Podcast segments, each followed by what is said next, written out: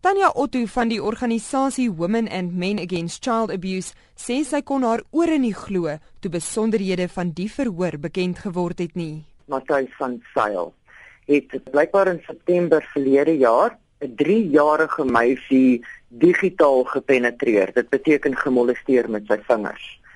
Hierdie was waargeneem deur haar 7 jaar oue tweeling sissies wat hom gesien het in die badkamer met die meisie vroetel nou is dit mitigation for sentencing.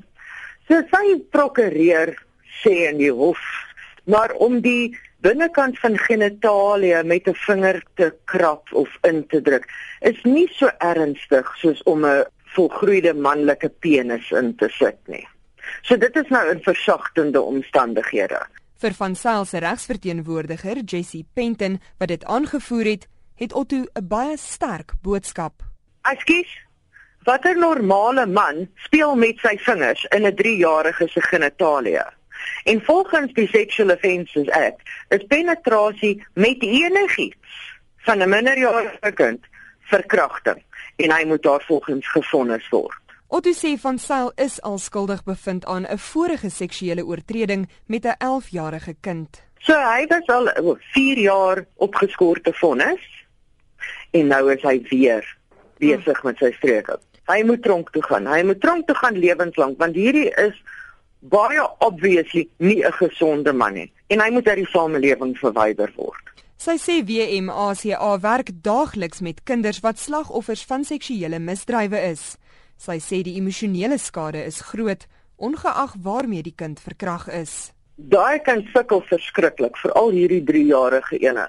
Sy sukkel met anger outbursts, sy kan nie slaap nie, haar toilet training is natuurlik heeltemal weer van begin af. 'n Penis sal meer fisiese skade doen. Ja.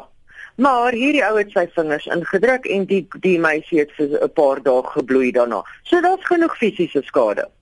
Wat die verdediging nou in hierdie saak sê is Ag my shame, as dit 'n penis was sou dit meer skade gewees het. So vinger is nie so erg nie. En dit was ten minste nie gewelddadig nie. Nou, I'm sorry sy blykbaar tyd oor haar mond gesit sodat sy nie skree nie. Dis gewelddadig.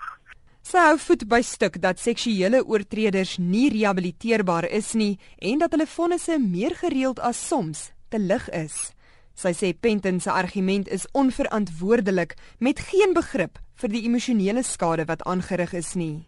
Nee, dis heeltemal onverskillig en onverantwoordelik. Dit sê vir my hierdie advokaat weet niks van die langtermyneffekte van kindermishandeling nie. Mense wat as kinders seksueel mishandel is, het die neeweffekte tot in hulle 40s tot in hulle 50s. Hulle kom nooit behoorlik reg nie.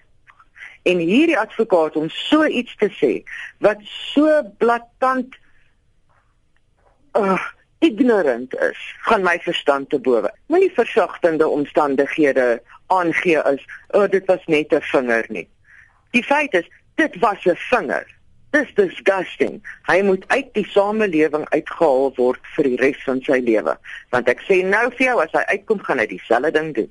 Tanya Otto van Women and Men Against Child Abuse. Ek is Henry Wondergem in Johannesburg.